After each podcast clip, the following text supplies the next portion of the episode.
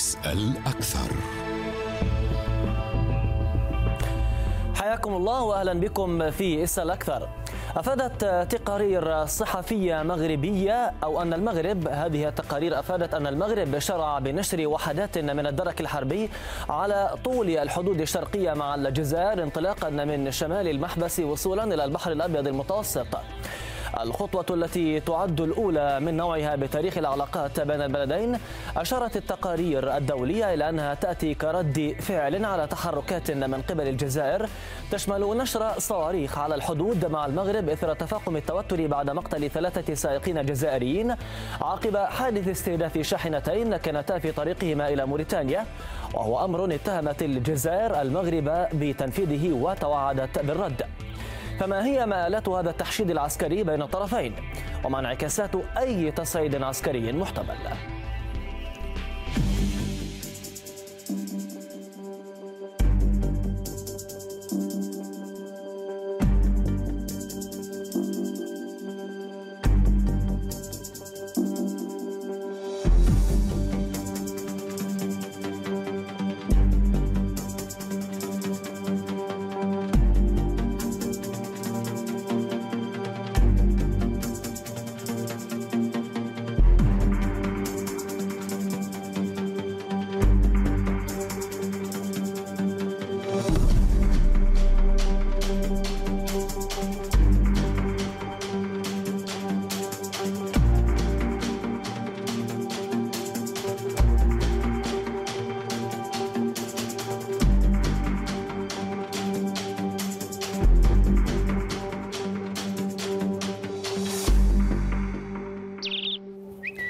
يمكنكم مشاهدينا الكرام المشاركة معنا من خلال التصويت عبر موقعنا في تويتر على هذا السؤال.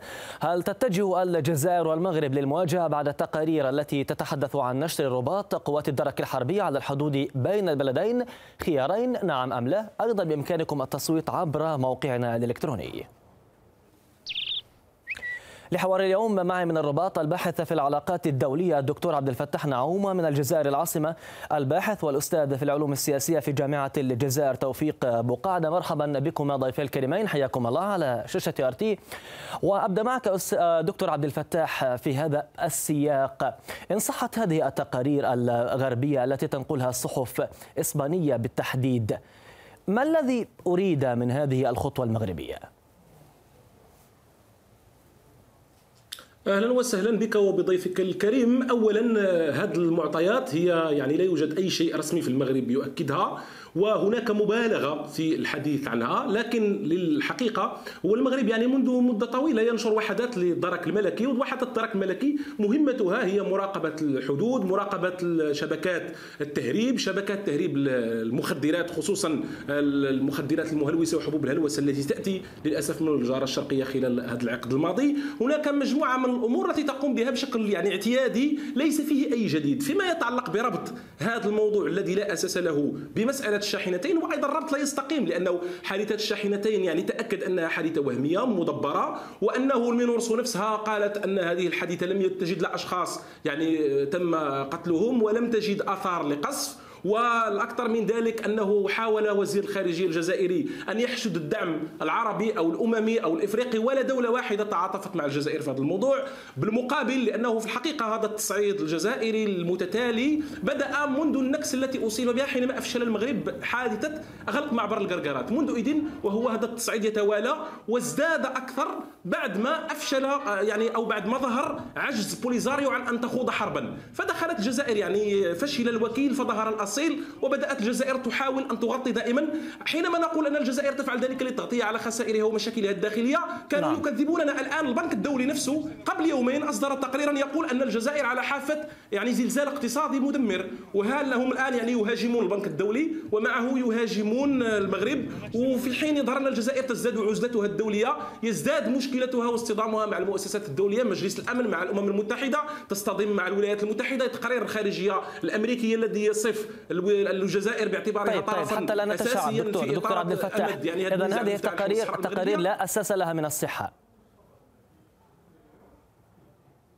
يعني مغالاة ومبالغ فيها كثيرا لأنه المغرب طيب. ليس في وارده أن يدخل في أي حرب مع الجزائر والجزائر نفسها غير قادرة على الحرب. هي تقوم بالاستهلاك الإعلامي للتغطية على مشاكلها الداخلية التي أكدها تقارير البنك الدولي.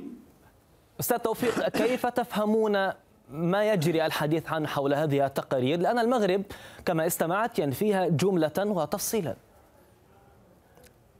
الضيف من المغرب ينفي ذلك.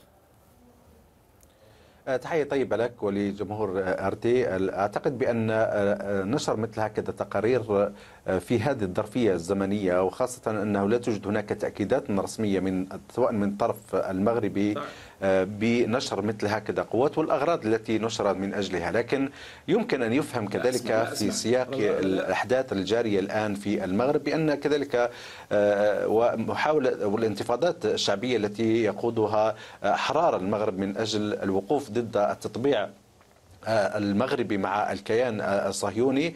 يمكن أن تحاول بعض الأطراف من المخزن المغربي الترويج لمثل هكذا آه، أخبار من أجل لفت الانتباه والأنظار على أن هناك فعلا وجود خطر خارجي ممثل في الجارة الشرقية لكن المؤكد والأكيد أن الجزائر ليست لديها أي نوايا من أجل دخول في حرب سواء بالنيابة كما يدعي ضيفك أو مباشرة وأن الجزائر دائما ما تلتزم بالمبادئ السلمية في علاقتها حتى مع الأطراف التي لديهم مشاكل دبلوماسية معها في تقديري كذلك أن محاولة ربط التقارير هذه ب نشر الجزائر لصواريخ على طول الحدودية كذلك أن لا توجد هناك تأكيدات رسمية ولا شهود عيان أكدوا بأن مثل هكذا آه، صواريخ تم آه، تنصيبها على طول الشريط الحدودي مع الجارة المغرب وأن ما تقوم به الجزائر هو من أجل حماية طيب. البلاد من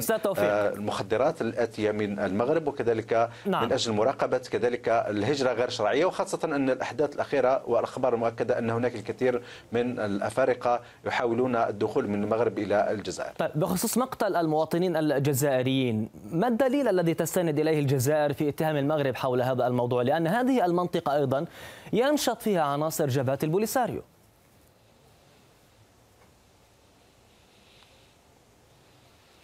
بالعودة إلى حادثة مقتل آه، آه، الرعايا الجزائريين على الأراضي الصحراء الغربية فهذه هناك شهود عيان من الموريتانيين وكذلك من الصحراويين أكدوا بأن الشاحنة تم استهدافها بطائرة بدون طيار وبصاروخين وأن الكل حتى المينورسو الذي يدعي ضيفك الكريم بأنها قدمت تقرير بأن لا توجد هناك حادثة فهذا غير منافي للحقيقة وأن المينورسو أكدت بأنها سوف تعمل على تحقيق في هذه القضية ولحد الآن لم يصدر أي بيان رسمي من المونيرسو حول تأكيد أو نفي هذه الحادثة. لكن المؤكد أن هؤلاء الأشخاص قتلوا والصور خير دليل على تأكيد ما حدث وأن آه، هؤلاء كانوا في رحلة تجارية بين الجزائر وموريتانيا ومن خلالها من خلالها كانت تريد ربما المغرب ضرب العلاقات الاقتصادية التجارية بين الجزائر وموريتانيا التي تعززت أكثر وأكثر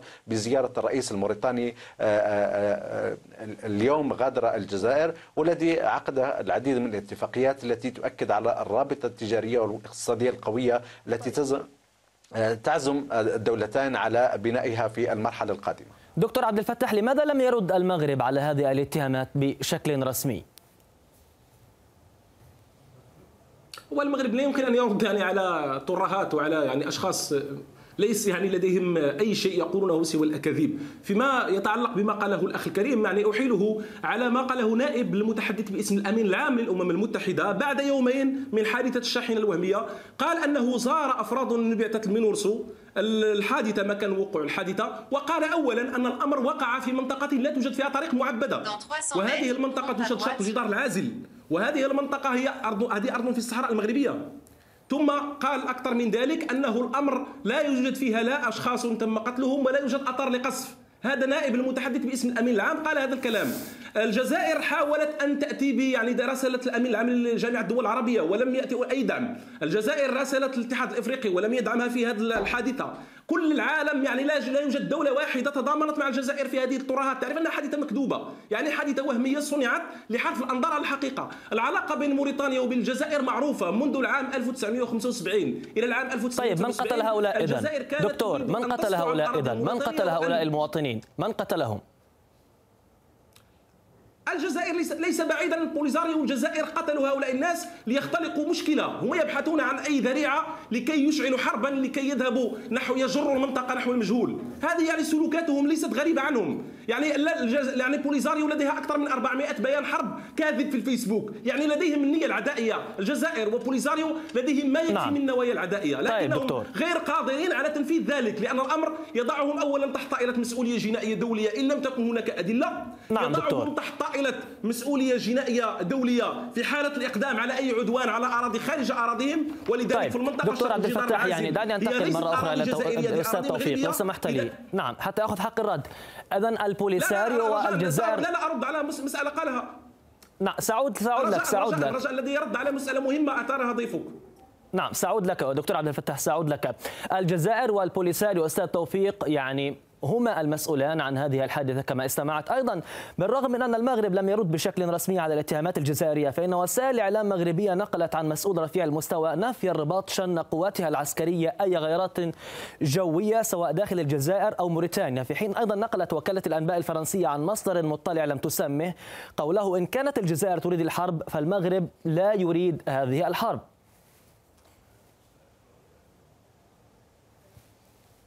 سيد توفيق.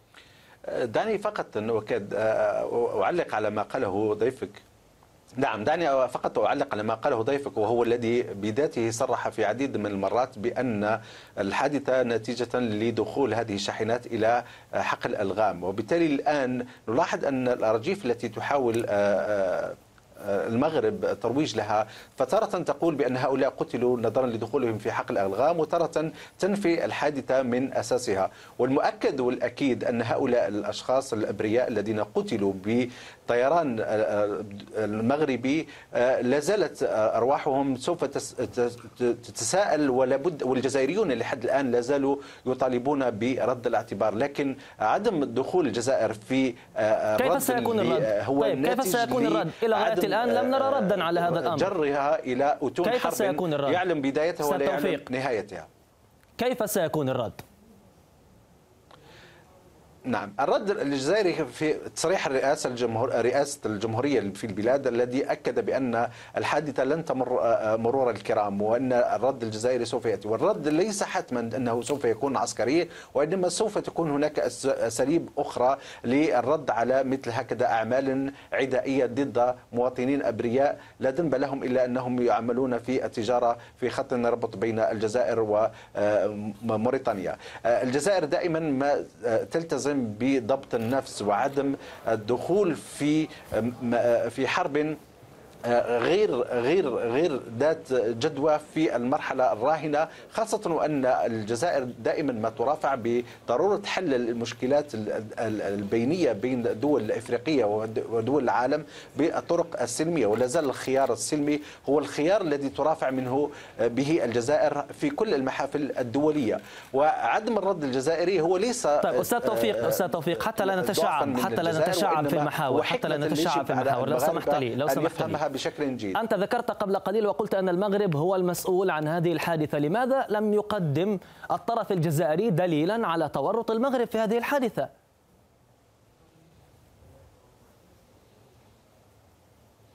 نعم تم تقديم أدلة لكل من الاتحاد الإفريقي ولكل والجامعة الدول العربية وتم إرسال كذلك تقرير مفصل عن العمل عن ما رصدته آه، رادارات الجزائرية والموريتانية بأن هناك طائرة. لكن عدم آه، آه، انخراط المجموعة الدولية في دعم مثل هكذا هو من أجل تجنيب المنطقة وعدم الخوض في الإشكالات التي ربما سوف تزيد النيران اشتعالا بين الدولتين. آه، في الوقت الذي يسعى كل الأطراف وتسعى المجموعة الدولية إلى محاولة نعم. آه، آه، تجاوز حالة الاحتقان والعمل من أجل تقريب وجهات النظر بين الدولتين الشقيقتين.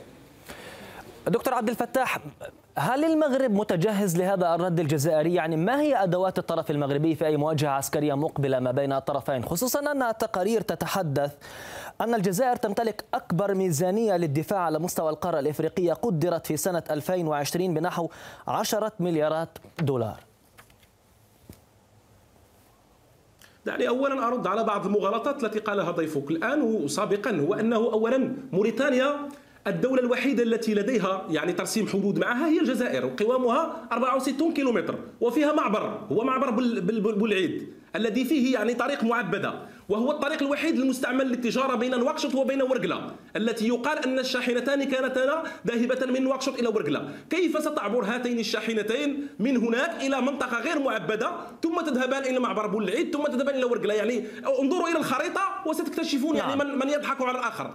فيما يتعلق بالبيانات التي أصدرتها الجزائر وتتكلم عن أدلة ما ما قدمته الجزائر من أدلة هو بيانات إنشائية لغوية لا يمكن للمجموعة الدولية ولا ولا الاتحاد الإفريقي ولا لجامعة الدول العربية ولا الاتحاد الأوروبي ولا أي كيان في العالم كان كبيرا أم صغيرا أن يرد على بيانات إنشائية ليست فيها أي معلومات دقيقة ولا أدلة دقيقة. لأنه طيب حتى تجاوزنا هذا المحور. دكتور عبد الفتاح تجاوزنا هذا المحور. دعنا نمضي إلى يعني محور المواجهة العسكرية المحتملة.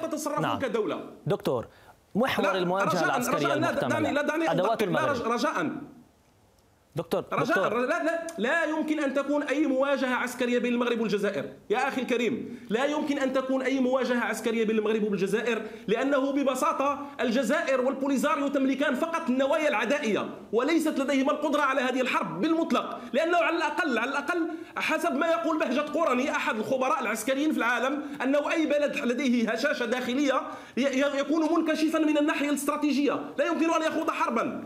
لا يمكن لأي بلد في العالم أن تقود حربا وشعبها يبيت على الطاوله لكن الجزائر توعدت بالرد. لكن الجزائر توعدت بالرد. وهذا قاله البنك الدولي. يعني فليرد فليرد ضيفك على ما قاله البنك الدولي طيب لكن الجزائر لكن الجزائر توعدت بالرد. دكتور عبد الفتاح. المخدرات التي قالها ضيفك الك... رجاء يا أخي أنت لا تعطيني الوقت الكافي لأرد على ما يقوله. رجاء أعطيني الوقت. دكتور نحن لدينا قال أنه ما لدينا وقت محدد لهذا البرنامج. يعني أرجو أن تصل الفكرة. يعني.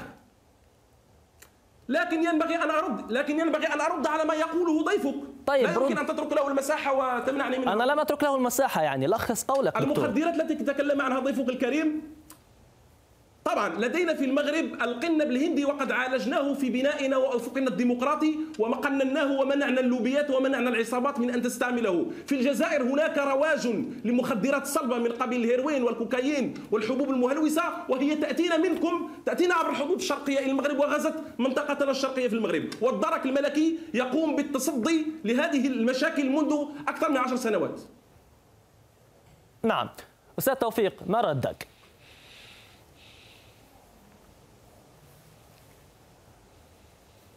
لا يمكن أن نرد على على مثل هكذا المهاترات التي يحاول ضيفك الكريم من المغرب أن يحاول أن يشوه صورة الجزائر ونحن نعيش في الجزائر ونشهد حالة من الصحة الاقتصادية للبلاد ومحاولة الخروج من آه، دائقة الريع البترولي والاتجاه نحو تنويع الاستثمارات والواردات بالنسبة للجزائر آه، أعتقد بأن نعم أن إمكانية الحرب في هذه الظرف الزمني هو غير ممكن غير وارد لدى صانع القرار في الجزائر وأن الجزائر دائما ما ترافع من أجل استتاب الأمن في المنطقة ومعالجة المشكلات الجهاد بالطرق السلمية وموقفها في ليبيا خير دليل على ذلك وكذلك في مالي وغير ذلك. عدم عدم اتجاه الجزائر إلى الرد بطريقة عسكرية على الجارة المغرب هو ليس ضعفا من الجزائر بقدر ما هو حكمة التي تحاول عدم زج المنطقة في مثل هكذا حروب خاصة وأن هناك أطراف دولية وعقدت معها المغرب اتفاقيات مؤخرا اتفاقيات أمنية تسعى من أجل جر الجزائر والمغرب إلى حرب الأخوة الأشقاء التي طيب لن يستفيد منها إلا الأطراف الخارجية والأطراف نعم. التي تكون العداء للشعب المغربي والشعب الجزائري وهذا ما يتوخاه نعم. الجزائريون ويمنعون ويعملون على منع من هي هذه الأطراف التي تنفخ تنفخ في هذا التوتر. في أتون هذا التوتر ما بين الجانبين.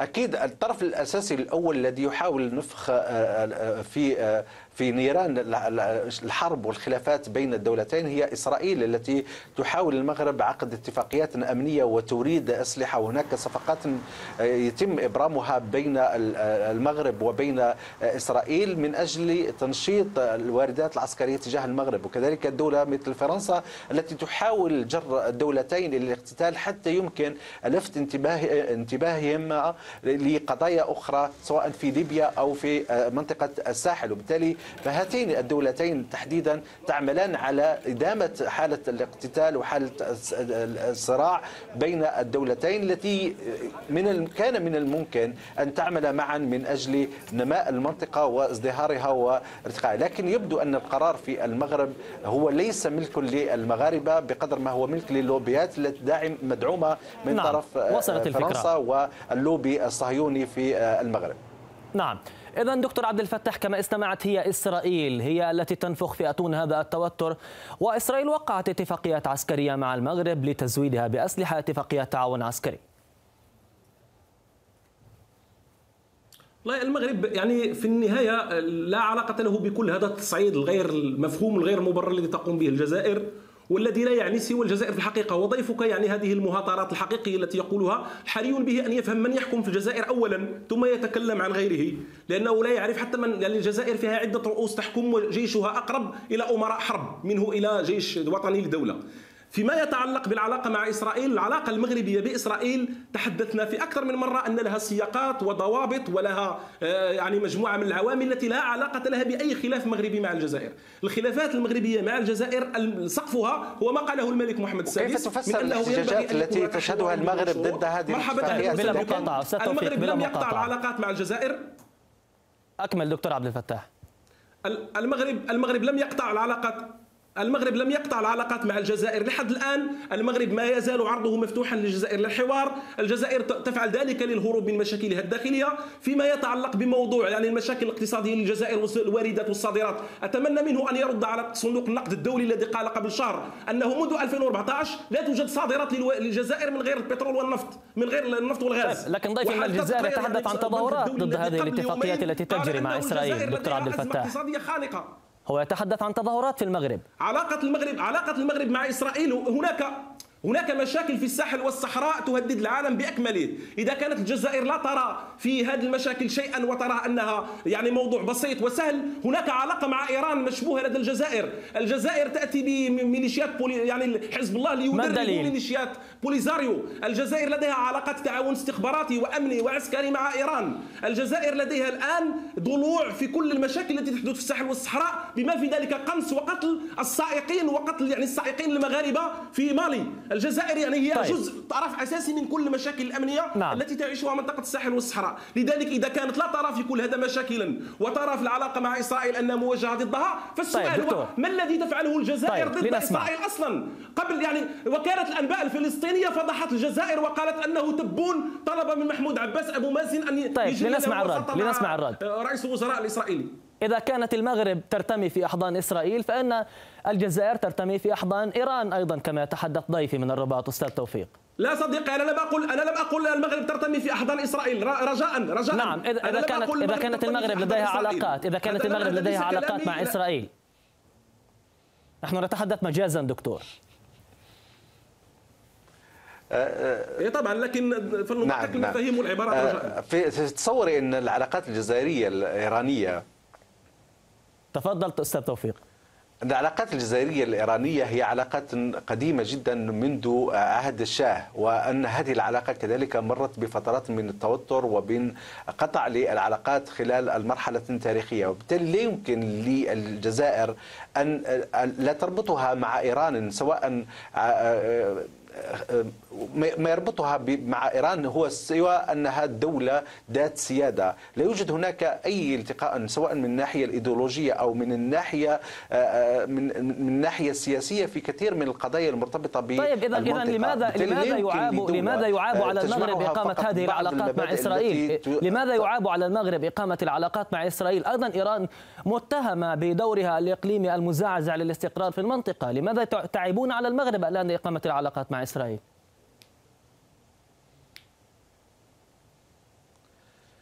نحن لم نعقد مع إيران اتفاقيات أمنية ولم يأتي وزير خارجية ووزير الدفاع الإيراني إلى الجزائر وهدد الدولة المغربية، نحن لا لا, لا, لا نشتري سلاحنا من دولة إيران وليست لدينا أي علاقة أمنية أو علاقات عسكرية مع دولة إيران، هي دولة معترف بها من طرف الأمم المتحدة وتربطنا علاقات دبلوماسية بينهما بين الجزائر وبين إيران.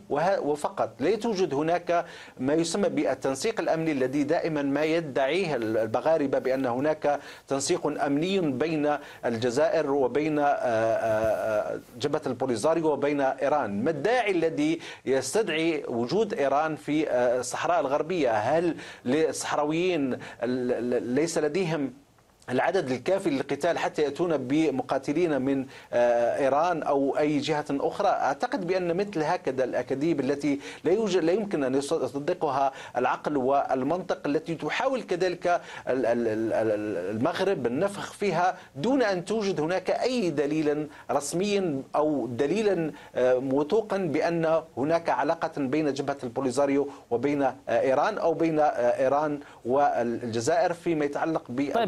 طيب تفسر أستاذ توفيق كيف تفسر زيارة الرئيس الفلسطيني محمود عباس للجزائر و... هناك تأكيدات نعم. على وجود علاقة بين المغرب وبين إسرائيل التي تهدد الجزائر. كيف تفسر زيارة الرئيس الفلسطيني محمود عباس للجزائر؟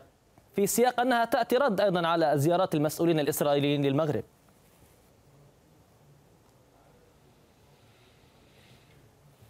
أه من من مفارقة كيف تربط بين زيارة لدولة عربية محتلة من طرف الكيان الصهيوني إلى الجزائر التي تدعمها منذ منذ 1962 يعني منذ استقلال الجزائر.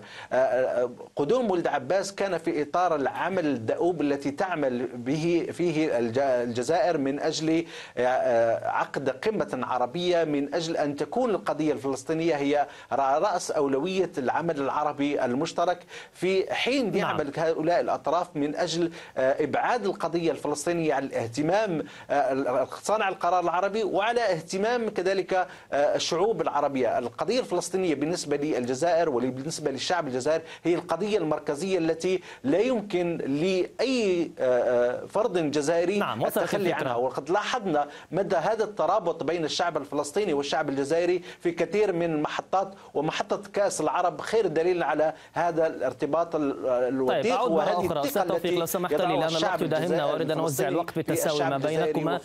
دكتور عبد الفتاح من الرباط الحديث يجري الآن عن وساطة موريتانية لرأب هذا الصدع ما بين الطرفين. إلى أي مدى يمكن أن تنجح هكذا وساطات؟ دعني اولا ارد على بعض المسائل التي قالها ضيفك الكريم هو أنه القضية الفلسطينية قضية مركزية عند الجزائر فيما يتعلق بالشعارات فقط. أما الدعم الحقيقي للقضية الفلسطينية والوقوف إلى جانبها فاللذان يعني يقفان الآن هو مجلس التعاون الخليجي والمغرب.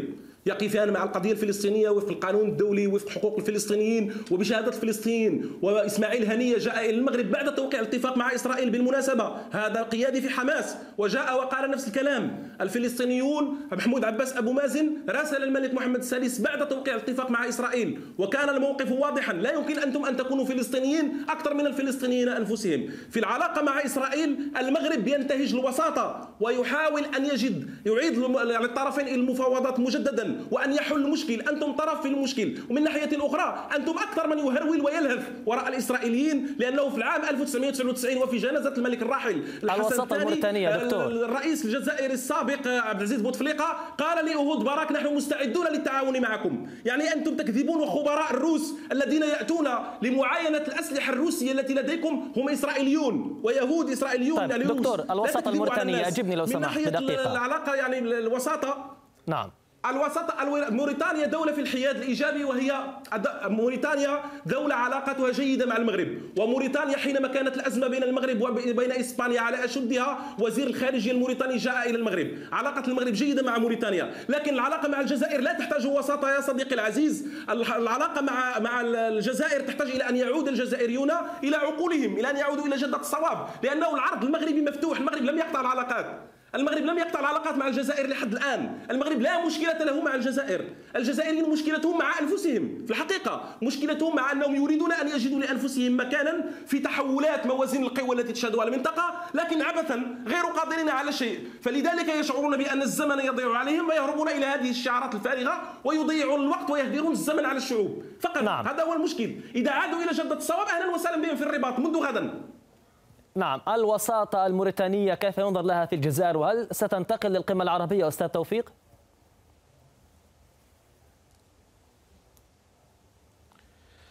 في تصوري أن العديد من الأطراف التي حاولت التوسط من أجل إيجاد حل لحاله القطيعة الدبلوماسية بين الجزائر والمغرب لكن في تصورنا نحن هنا في الجزائر بأن ما نحتاجه ليس وساطة بقدر ما نحتاج إلى التزام مغربي بعدم آه، تهديد الوحدة الوطنية والتزام كذلك مغربي بعدم آه، دعم الحركات الإرهابية وتشويه سمعة الجزائر في وسائل الإعلام المغربية وكذلك محاولة آه، تشويه الرأي العام العالمي بمثل هكذا مهاترات التي تسيء إلى الشعب المغربي قبل أن تسيء إلى الجزائر. بالتالي فنحن في الجزائر نحتاج إلى التزام الالتزام المغربي ومن أجل عودة العلاقات البينية وحتما سوف تعود العلاقات البينية في قادم الأيام عندما كذلك أقول يعود آه، آه، صناعة الرأي آه، صناعة طيب القرار السياسي في دعوني دعوني أتساءل هذا السؤال المزدوج ولن يكونوا مرتهنين نعم. إلى أطراف أجنبية ب 30 ثانية أستاذ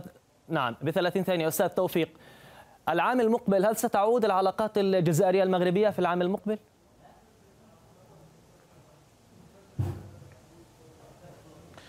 أنا آمل أن تعود العلاقات الجزائرية المغربية وأن آه، آه، تعمل المغرب من أجل آه، تلافي الإشكالات التي أدت إلى هذه القطيعة وحتما نعم. أن العلاقة بين الشعوب سوف تستمر حتى نعم. ولو بعد حين دكتور عبد الفتاح ستعود في العام المقبل